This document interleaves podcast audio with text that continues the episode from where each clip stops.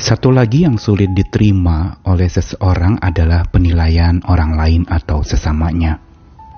Sehingga sering kali karena tidak dapat menerima dirinya dinilai, maka dia menjadi takut untuk dinilai.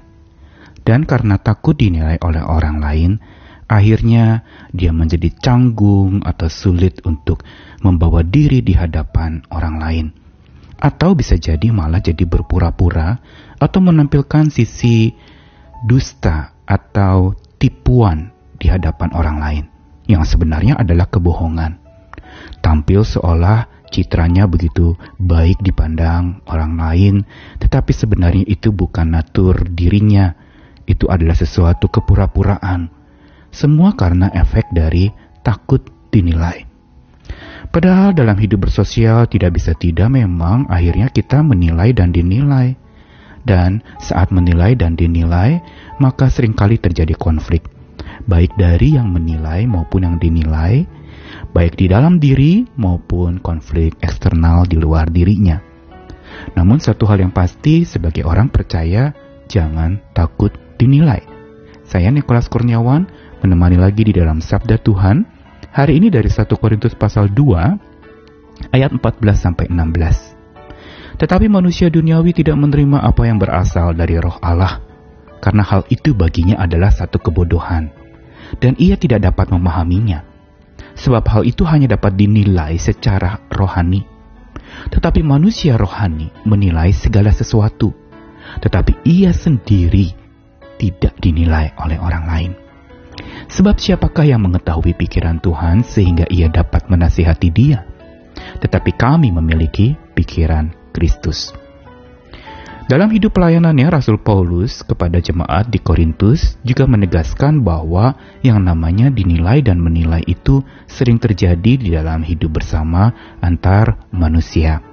Dan juga di dalam jemaat sering kali saling menilai ini yang bisa menjadi benih-benih atau potensi konflik yang menyebabkan justru hubungan menjadi tidak langgeng, tidak tulus, tidak murni, karena berpura-pura untuk dinilai baik, padahal sesungguhnya tidak baik. Dan di sini Paulus justru melihat dari satu perspektif mengenai manusia duniawi dan manusia rohani. Manusia duniawi adalah manusia yang mengikuti keinginan dagingnya, sedangkan manusia rohani adalah manusia yang hidupnya dipimpin oleh Roh Allah yang berarti mengikuti tuntutan dan tuntunan tangan Allah. Dan kalau seseorang hidupnya seturut tuntunan dan tuntutan roh Allah atau tuntutan dan tuntunan Tuhan, maka seharusnya dia tidak perlu takut untuk dinilai. Makanya dikatakan, manusia rohani menilai segala sesuatu tapi ia sendiri tidak dinilai oleh orang lain. Atau kalau mau memakai bahasa yang lebih mudah dimengerti adalah tetapi manusia rohani menilai segala sesuatu atau dia mampu menilai segala sesuatu walaupun dalam keterbatasan, tetapi ia sendiri tidak dapat dinilai oleh orang lain atau tidak berhak untuk dinilai oleh orang lain dengan ukuran rohani. Ini maksud dari ayat tadi. Yang sesungguhnya ayat ini ingin mengatakan bahwa biarlah kita hidup bukan dari penilaian manusia, tapi hiduplah dari penilaian Tuhan. Karena dialah yang paling tahu segala sesuatu. Dialah yang pikirannya tidak terbatas, makanya dikatakan siapa yang tahu pikiran Tuhan, sehingga kita dapat menasihati dia. Kita tidak dapat memahami. Yang paling tahu kita sedalam-dalamnya, sebenar-benarnya, sesungguh-sungguhnya adalah hanya Tuhan Sang Pencipta kita. Dan karena itu tugas kita sebenarnya bukan untuk menilai, juga jangan takut dinilai, tetapi hiduplah seturut tuntutan dan tuntunan tangan Tuhan.